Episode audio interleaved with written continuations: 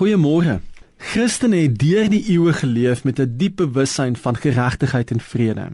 En daar waar dit ontbreek, word ons geroep om heling en herstel te bring. Hierdie roeping het ons natuurlik direk van Jesus ontvang. Die eerste gelowiges het oor Jesus getuig as iemand wat met sy hele lyf betrokke geraak het by die stikkende stories van die lewe. Een van die bekendste verhale wat hieroor oor Jesus vertel word, is een wat vandag nog steeds op verskeie maniere afspeel. Die antieke skrywer Johannes vertel dat Jesus besig was om mense by die sinagoge te leer, toe 'n groepie mans, meestal kerkleiers, 'n vrou wat met oorspel betrap was, na Jesus toe gebring het. Die manier Johannes die gebeure beskryf, is baie merkwaardig en help ons vandag om ook ons eie rol in konflik en geweld te verstaan. Hulle het die vrou tot in die middel van die groep mense gebring. Die atmosfeer was emosiebelaai. Jy sou die spanning met 'n mes kon sny. Ek kan dink dat die liggaamshouding van die aanklaers getuig het van aggressie, woede en selfvoldane moraliteit. Ek vermoed die vrou se houding was een van skaamte en vrees. Volgens die tradisie waarvan sy deel was, was haar dood nie ver nie. 'n Onvermydelike en baie wrede steniging het op haar gewag. Toe doen Jesus iets ongewoon. Hy gaan sit.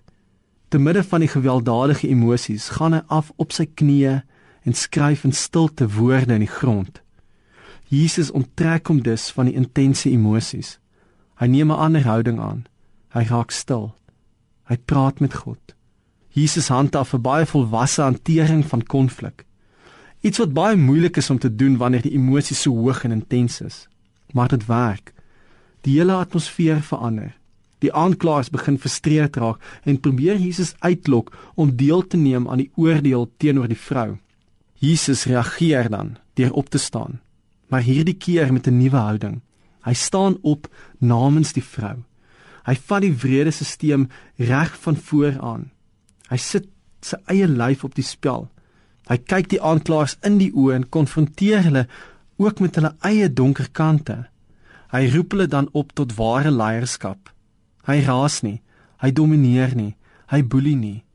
Hy laat die waarheid die werk doen. Dan gaan sit hy weer. Die stilte van die evangelie is genoeg. Dit ontlont alles. Een vir een stap die aanklaers weg. Slegs Jesus en die vrou bly agter. Dan staan Jesus weer op en weer eens verander sy houding. Hy kom tot baie naby aan die vrou. Praat sag met haar. Spreek haar vry. Maak haar heel. Nooi haar uit tot 'n beter manier van leef.